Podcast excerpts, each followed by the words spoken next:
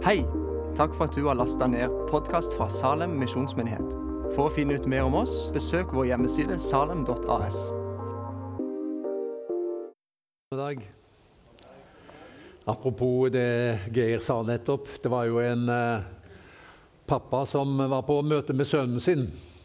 Og så, etter møtet, så sa han til gutten uh, 'Pappa, det var en elendig tale.'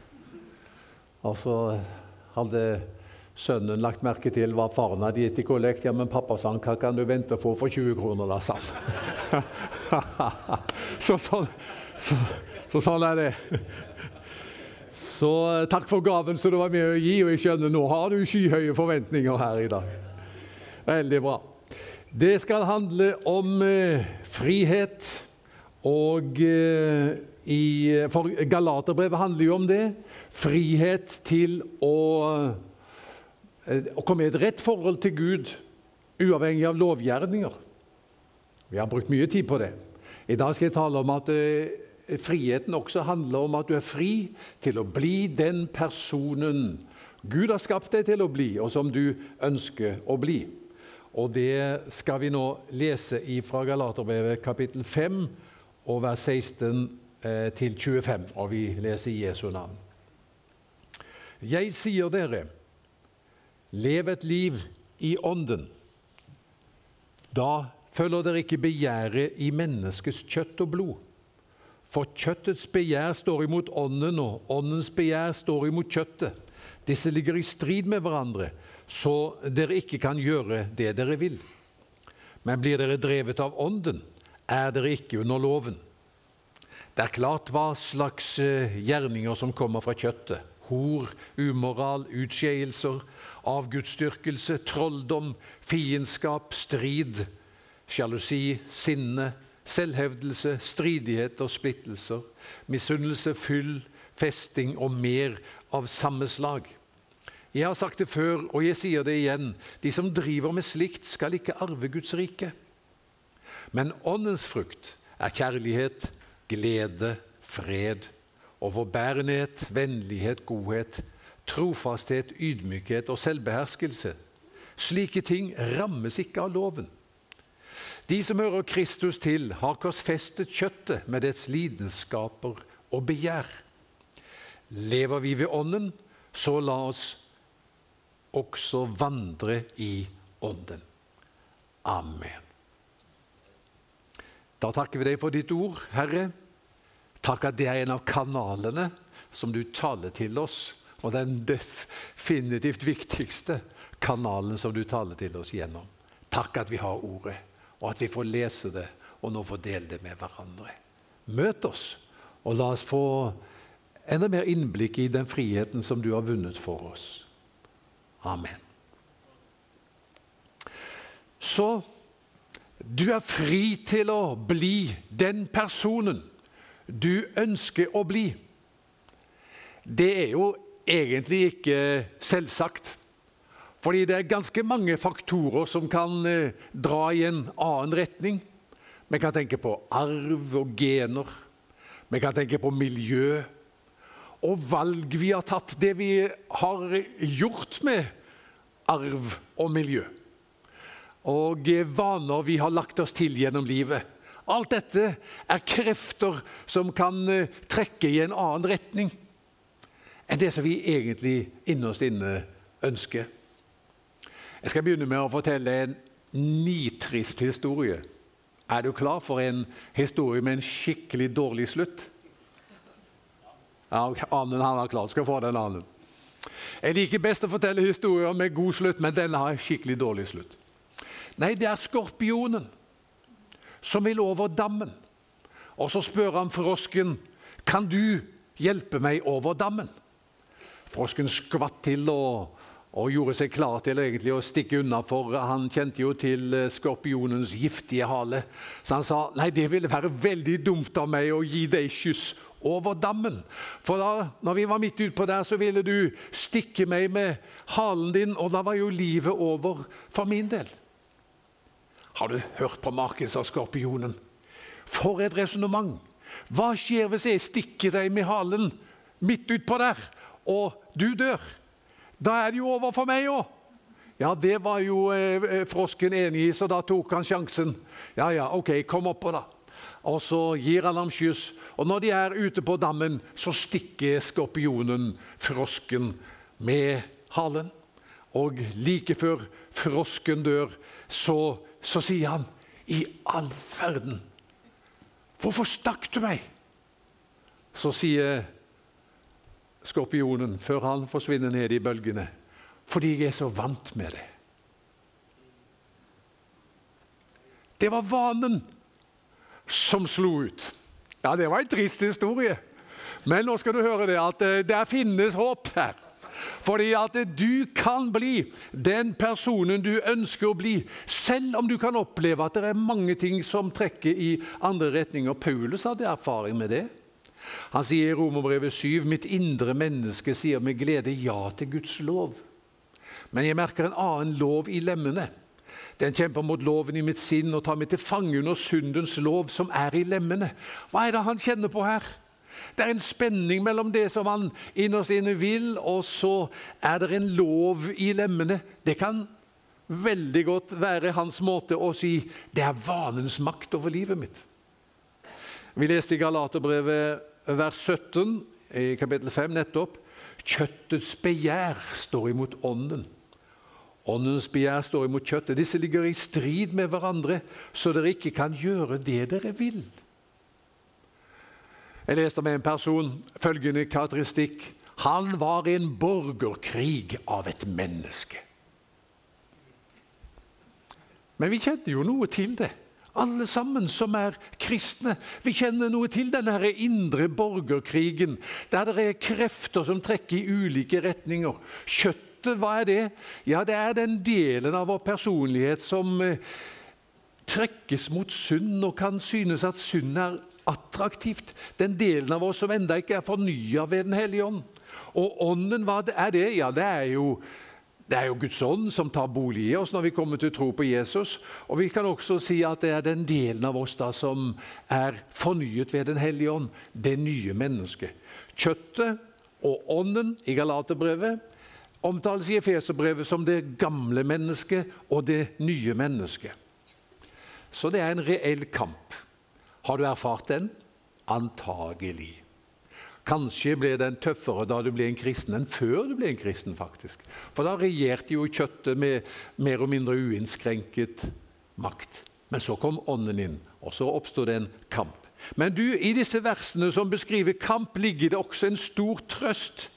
For selv om vi kan kjenne på konflikten, at det er en dragning i oss både mot synd og mot Gud, så er det nå det Ånden vil, du innerst inne vil.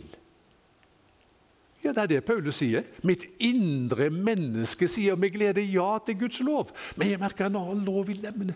Men i hans indre så sier han ja til Guds lov. Og hva står det i, i Galaterbrevet? Ja, kjøttet begjærer mot ånden, ånden mot kjøttet, så dere ikke kan gjøre det dere vil. Faktisk talt, det er gode nyheter til deg, fordi da kan du si, også når du har syndet, så kan du si det er egentlig ikke dette jeg innerst inne og dypest sett vil. Det som jeg innerst inne vil, det er å ha Gud og Guds vilje for mitt liv. Det leser vi her. Det syns jeg er Veldig godt å vite. Det er et tegn på at Gud har gjort et verk i livet vårt allerede. Så hva, hva er det Gud har på programmet for deg da? Og hva er det du, når du nå er blitt en kristen, vil? Jo, du vil ha del i det livet som beskrives som åndens frukt. Kjærlighet, glede, fred, overbærenhet, vennlighet, godhet, trofasthet, ydmykhet og selvbeherskelse. Det er det du vil ha. Hva er det? La oss bare gi en definisjon veldig kjapt på hver av disse punktene. Kjærlighet, hva er det? Jo, det er å søke en annen persons beste, ikke for gevinsten det kan bringe deg, men fordi han og hun har uendelig verdi i seg selv. Jeg vil gjøre ditt problem til mitt problem, sier du. Fordi du er verdifull. Helt uavhengig av hva det gir meg tilbake. Glede, hva er det? Jo, det er å fryde seg i Gud for den han er i seg sjøl, uavhengig av de ytre omstendighetene. Det er glede. Hva er fred? Det er, det er den erfaringen av hvile som du får del i når du skjønner at Gud er vis, og Gud har kontroll. Og du hviler i hans visdom og kontroll heller enn i din egen visdom og kontroll. Da blir det shalom. Fred. Overbærenhet, hva er det, da? Overbærenhet det er evne til å møte vanskeligheter uten å eksplodere. Åh, det er en vakker egenskap. Eller bli bitter. Vennlighet, hva er det? Jo, det er å tjene andre på måter som kan gjøre meg sårbar. Men jeg gjør det likevel, for jeg bærer på en dyp indre trygghet. Det er vennlighet. Godhet, hva er det? Ja, det handler om å være sjenerøs med seg selv og sine eiendeler i alle situasjoner. Derfor har det også med integritet å gjøre. Uavhengig av situasjonen så er du god.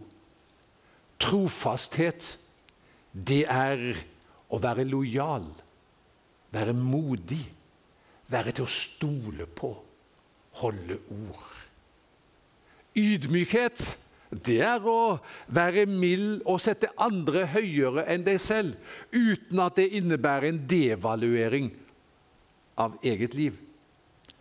Og selvkontroll, det siste, det er evnen til å prioritere det som teller, framfor det som haster. Det handler om å velge det som er eh, det høyeste gode, i stedet for å være preget av impulsivitet og være ute av kontroll. Selvkontroll. Det som jeg nå har beskrevet, det er Jesu karaktertrekk. Slik var Jesus. Og Det som altså er Den hellige ånds agenda i livet ditt, og det han jobber med nå i livet ditt, det er å produsere Jesu karaktertrekk. Og så skal vi huske på at åndens frukt, det er eh, På norsk kan jo det være både et flertallsord og et entallsord. Frukt. Frukt i entall, frukt i flertall. Men på eh, gresk så er det et entallsord. Åndens frukt, entall. Så vi snakker ikke her om ni forskjellige frukter. Vi snakker om et hele, noe som henger sammen. Se for deg båtene i en appelsin. Eller druene i en drueklase. Åndens frukt er et hele. Du kan ikke ha det ene uten det andre. Det er noen mennesker som er milde, men ikke modige. Da kan det veldig godt hende at den mildheten mer er en naturlig disposisjon og egenskap, noe du har arva fra mora di, heller enn at det er en åndens frukt. Fordi hvis det er en åndens frukt, så vil også motet være der. Mildheten og motet er der samtidig, fordi det er jo to båter av den samme appelsina. Noen er glade, men har lite selvkontroll. Så kan vi tenke de har mye åndens frukt, se hvor glade de er. Ja, Men hvis det ikke er selvkontroll, da kan det være en naturlig disposisjon. Jeg var for mange år siden et sted og talte. Og da var det sånn at, ehm, at, at eh, pastoren der han, han, ble litt, han ble litt deppa når han hørte meg. Fordi han syntes at eh, jeg var så inspirert. Og, og, og, salvet, tror jeg han brukte også som et uttrykk. Men når han så på seg selv, så ble han nedstemt. Fordi han var ikke så inspirerende å høre på på talerstolen. og Han følte ikke at han var salvet, så, så det var ikke så kjekt for han å være på møter med, med, den unge Geir Johansen. kan jeg huske. Men da trøsta kona ham. Så sa hun at Slapp av. Jeg kjenner slekta hans. Frelst eller ikke frelst, de er like alle sammen. Dette er ikke Den hellige ånd, det er gener, sa hun. Det har jeg aldri glemt. Du tror at liksom, Når du er så inspirert på talerstolen, tenker du det er Den hellige ånd. Nei, det er bare, bare gener. Sånn kan det være. Men åndens frukt, det er altså noe som vokser fram, og vi får alle bitene eh, på kjøpet. Kjærlighet, glede, fred osv. Jeg har forklart. Det som er godt å vite også, da, hvis du føler at det er noe som mangler her i livet ditt, det er at det frukt vokser langsomt. Det er ikke sånn at det liksom det er ikke frukt den ene dagen, og så er det frukt den neste. Moden frukt den neste. Det vokser langsomt. F.eks. om våren. Hvis du tok meg med i frukthagen din og så stilte meg på en test Kan du nå peke ut hva er plommetrær i hagen her, hva er epletrær og hva er kirsebærtrær, så ville jeg slite litt. Jeg ser ikke forskjellen på de om våren. Gjør du? Jeg vet ikke. Jeg gjør ikke det, tror jeg, da. Men vi vet gi trærne tid. Så sett, Det er plommetre. Det er kirsebær. Det er et epletre. Frukten kommer frem over tid. Så det tenker jeg at eh, det er viktig for deg òg, at du eh, kan eh, hvile i det. Ok. Dette sagt, så skal vi se på hvordan kan jeg se at åndens frukt vokser fram i livet mitt. Og Da har jeg tre punkter. Og Da kan du jo tenke deg sjøl at den innledningen blir en lang tale. Uh, men det er noe som heter 'value for money'. Det har vi jo lært i dag. så, så, da skal vi ta punkt nummer én. Eh, hvordan kan denne frukten vokse fram i livet mitt? For det første du må hvile i at du hører Kristus til. Hva leser vi der i vers 24? De som hører Kristus til, har korsfestet osv. Men nå er det den setningen. De som hører Kristus til. Vil du at åndens frukt skal vokse fram i livet ditt, så hvil i det. Du hører Kristus til. Alt som er hans, er ditt. Det er fort å si. La du merke til det? Alt som er hans, er ditt. Du sier det fort. Men la det synke ned.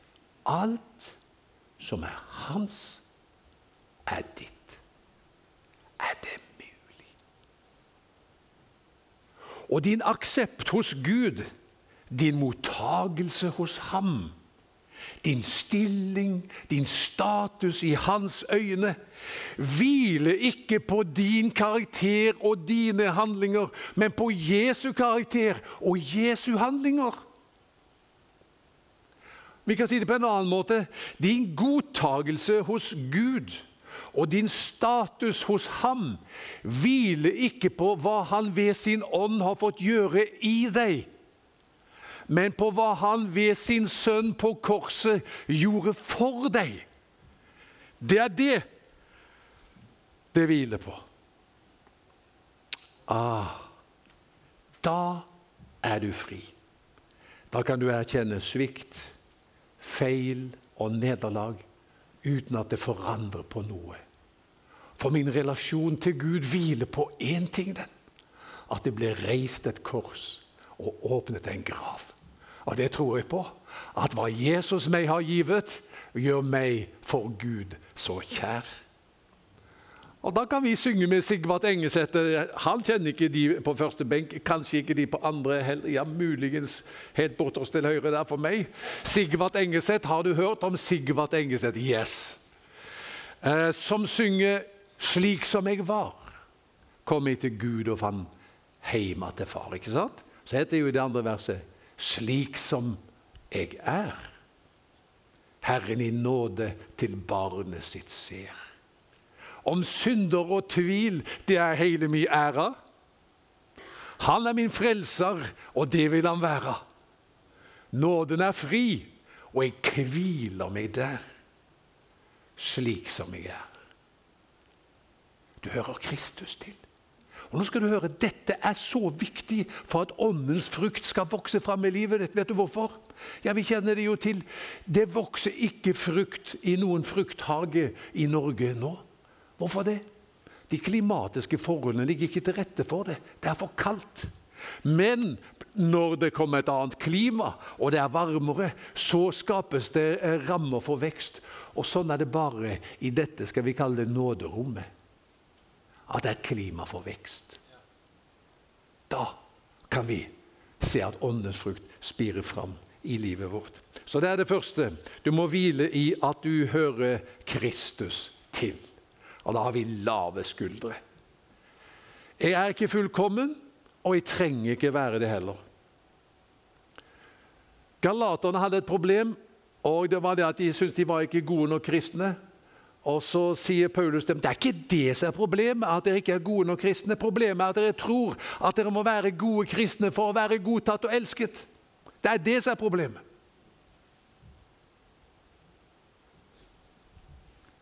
Og når de da hviler i det, så ser da vokse åndens frukt fram. Så det var punkt én. Punkt to. Og denne er tøff. Se på den, du. Korsfest kjøttet med dets lidenskaper og begjær. Her er det ingen kjæremor. Hva er kjøttet?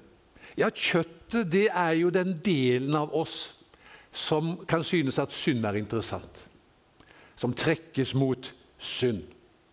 Og Vi sa innledningsvis vi kan kjenne på begge disse dragningene, både mot Gud og mot synd. Selv om det du innerst inne vil, takk og lov, det er det som Gud vil. Så sier Paulus veldig klart hva er det eh, slags gjerninger som kommer fra kjøttet. Det står da i vers 19-21. Det er hor, umoral og utskeielser. Det er eh, seksuelle synder så er det avgudsdyrkelse og trolldom. Det er synder på religionens område. Og så er det en rekke synder som ødelegger relasjoner. Det er fiendskap, strid, sjalusi, sinne, selvhevdelse, stridigheter, splittelser, misunnelse, fyll, festing og mer av samme slag. Dette er synder som ødelegger relasjonene mellom mennesker. Legg merke til splittelser òg. Det er jo ikke et ukjent fenomen i kirkelandskap heller. Splittelser. Kanskje var man en liten sekt. Vi hadde besøk av han innante her i, i, for noen dager siden i Kristiansand. Kjenner dere han? Torolf Nordbø. Han sa det at det er klart, Vi kjenner jo til det fra kirkelandskapet i Norge at eh, små sekter deler seg i mindre sekter. og Til slutt så blir de så små at du kan kalle dem insekter. Da er de ganske små! Da er de så små som han der eneboeren som, eh, som eh, bodde på den øya der. og så, så, Endelig fant de han da, og så sa de hva er det? Det er huset mitt. Hva er det? Det er kirka mi. Ja, ja, se det, Men det der borte, hva er det, da? Nei, det er den kirka jeg gikk i før, sa han. Så han, han har rett og slett slutta å gå i den ene kirka. Eneboeren. Så, så synden kan få mange ulike utslag. Men nå skal du høre noe. Luther han sier i sin forklaring til budene så sier han, det er ingen av disse syndene som du vil gjøre hvis du ikke først har brutt det første bud. Hva er det første bud? Du skal ikke ha andre guder enn meg. Alle de andre synder som vi gjør, det er synder som får plass fordi vi har erstattet Gud med en avgud. Faktisk. Og eh, når jeg forberedte meg til denne talen, så leser jeg hva dette ordet betyr. Det står vet du, at eh, at eh, kjøttets begjær står imot ånden. Det ordet er begjær. Og Det står at vi har korsfestet eh, kjøttet med dets lidenskaper og begjær. Det ordet er begjær. Vi tenker kanskje fort at det må jo ha med seksuelle synder å gjøre, men det er ikke det Paulus tenker på. Det er, det det er mye mer omfattende enn som så. Begjær betyr egentlig overdrevet ønske. Og det behøver ikke være et ønske om uh, noe ondt engang. Det kan være et ønske om eh, noe som i seg selv er godt, men som vi har et overdrevet ønske om å få. Så det får så stor plass i livet vårt at det skyver Gud ut i periferien og tar egentlig hans plass. Så dette overdrevne ønsket, det blir en avgud. Og derfor er det faktisk sånn at når Det gamle testamentet taler om avgudsdyrkelse, så taler Det nye testamentet om begjær. Hoi. Det er det samme. Begjær, et overdrevet ønske om noe, er det samme som avgudsdyrkelse, fordi at det kan eh, skyve Gud ut i periferien, og det kan være gode ting. For eksempel skal du høre, Det kan være det å være godt likt av andre. Smak litt på det. Er det, er det kjekt å være godt likt av andre? Ja, altså, jeg syns det. Liker det godt. Altså, jeg sier til noen etter Geir du kan godt kalle meg Grei. Det er jo det samme, bare snu litt på bokstavene. Så. Ikke sant? Det er kjekt å være godt likt.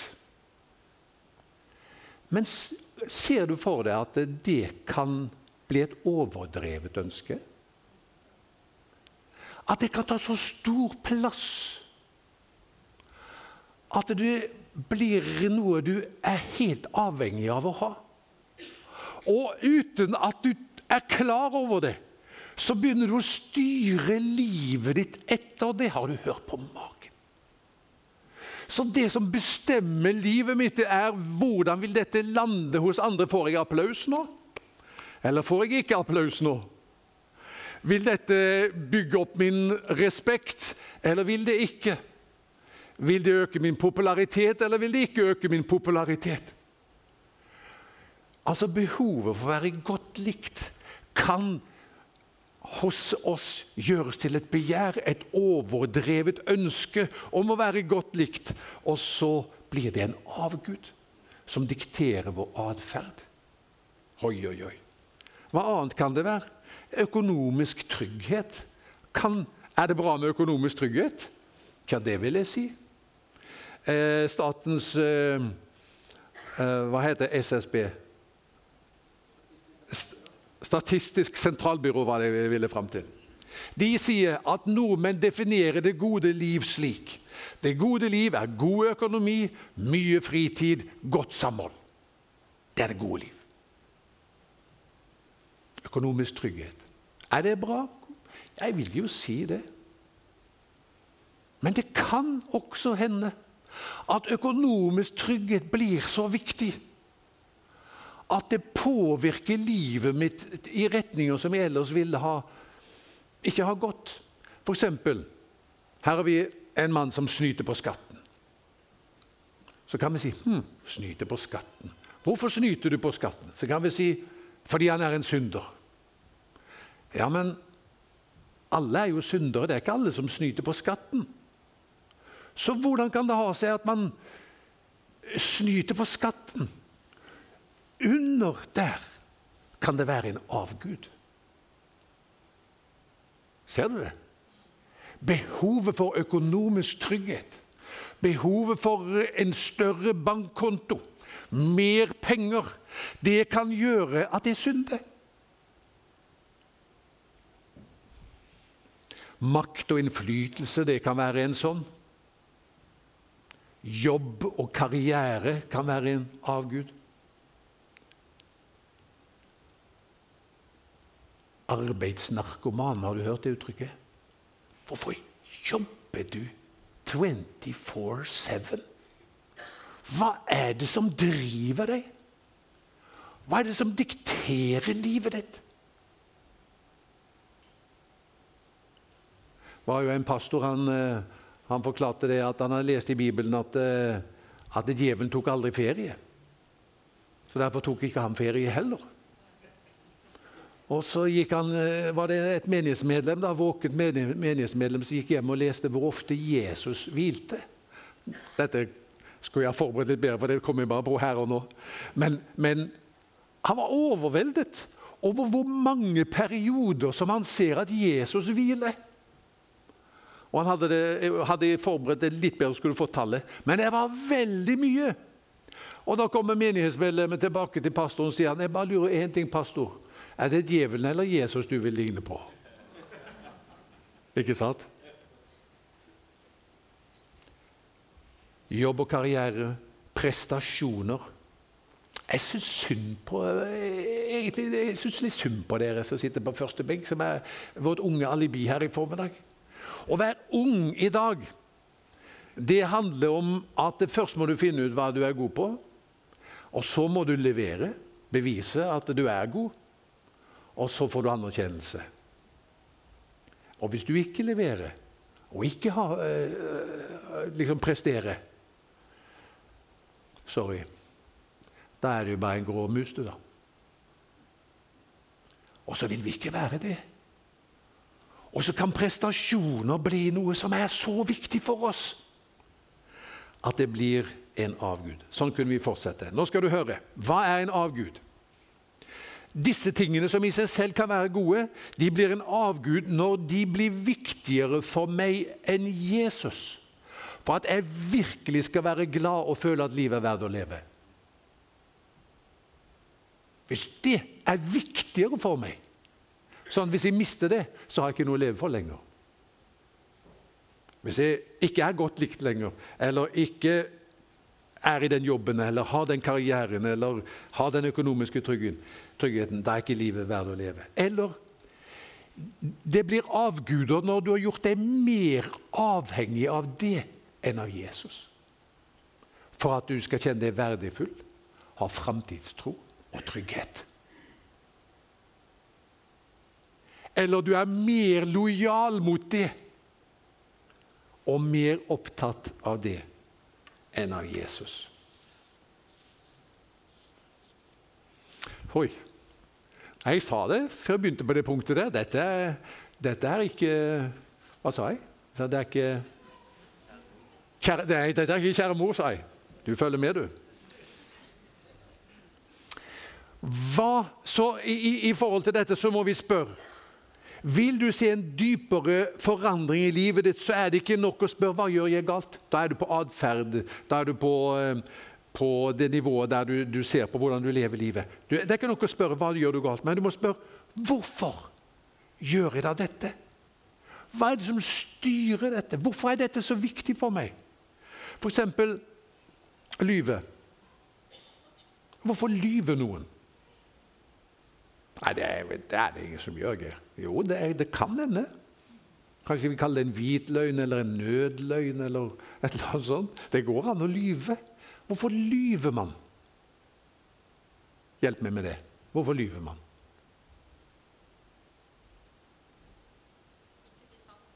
Hmm? Man vil ikke si sannheten. Hvorfor vil man ikke si sannheten?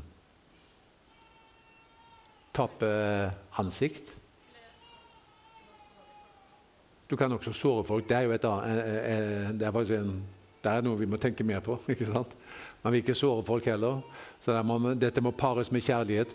Men det kan også hende at, at min, hvordan jeg tar meg ut i andres øyne, er viktigere for meg enn hvordan jeg tar meg ut i Guds øyne.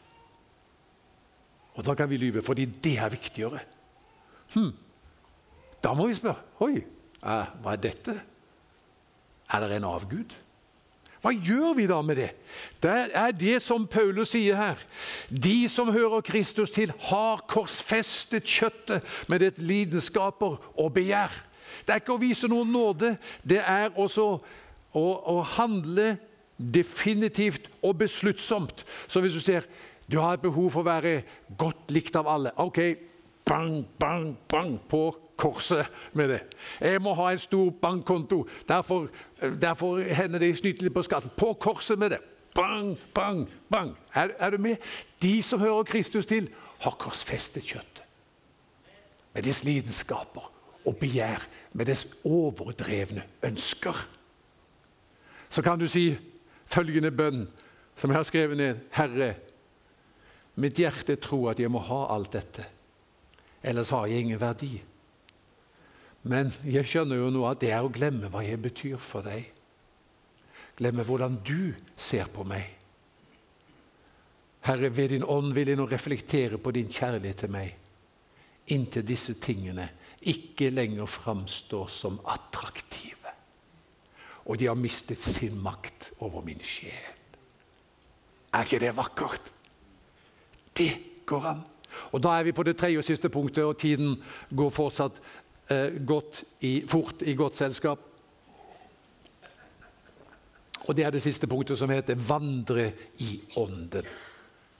Vet du hva det handler om, egentlig?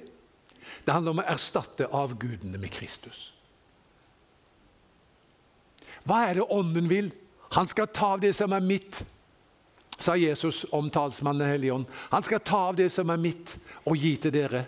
Han skal herliggjøre meg. Han skal lyssette meg, kaste glans over meg. Det er det som er Åndens oppgave. Og det å vandre i Ånden, det handler da om å la Ånden få lov å gi deg Jesus. Og så at avgudene erstattes med ham. Hør. Hvis det å være godt likt er så viktig for deg, så må du spørre hva er grunnen til at det sjefen sier til meg, er viktigere enn hva kongenes konge sier til meg? Hva må du da gjøre, hvis det er tilfellet? Tilbringe tid med Jesus. Jeg kan ikke tenke meg noe klokere for deg å gjøre enn å tilbringe tid med ham. Tilbe ham. Beundre ham. Grunne på hans ord. Til du ser at han er vakrere enn alt annet som vi tidligere følte vi måtte ha. Da trenger jeg ikke dette andre, for jeg har ham. Jeg trenger ikke andres aksept, for jeg har hans aksept. Jeg trenger ikke ha en stor bankkonto, for han har sagt 'Jeg har omsorg for deg'. Og så videre og så videre. Jeg går inn for landing med å sitere hva det står på gravsteinen til dikteren og legpredikanten Edin Holme. Han er det bare et fåtall av dere kanskje som har hørt om. Men det fantes altså en dikter og legpredikant med det navnet. Og på gravsteinen hans står det Den som ham har sett, kan intet friste. Ringe synes alt han siden ser. Den som eier ham, kan allting miste. Han begjærer siden intet mer. La oss be. Herre, vi priser deg for at det går an å bli den personen vi ønsker å bli, og som du har skapt oss til. Takk for Den hellige ånd. Takk at det er Åndens verk å produsere Åndens frukt i oss. Som også hjelper oss å identifisere avgudene dette vi føler vi trenger og ikke kan leve uten, som vi er lojale mot og som gir oss verdi. Kan vi erstatte det med, med deg, Jesus? Fordi vi ser at når vi har deg, som Asaf sa i Salme 73, da, da har jeg ikke lyst til noe på jorden. Det, jeg har jo deg. Og som stjernene slukner når sola står opp, så er du sola, Herre. Og da trenger vi ikke det det kalde lyset fra stjernene, egentlig. På samme måte. Vi priser deg for din godhet mot oss. Amen.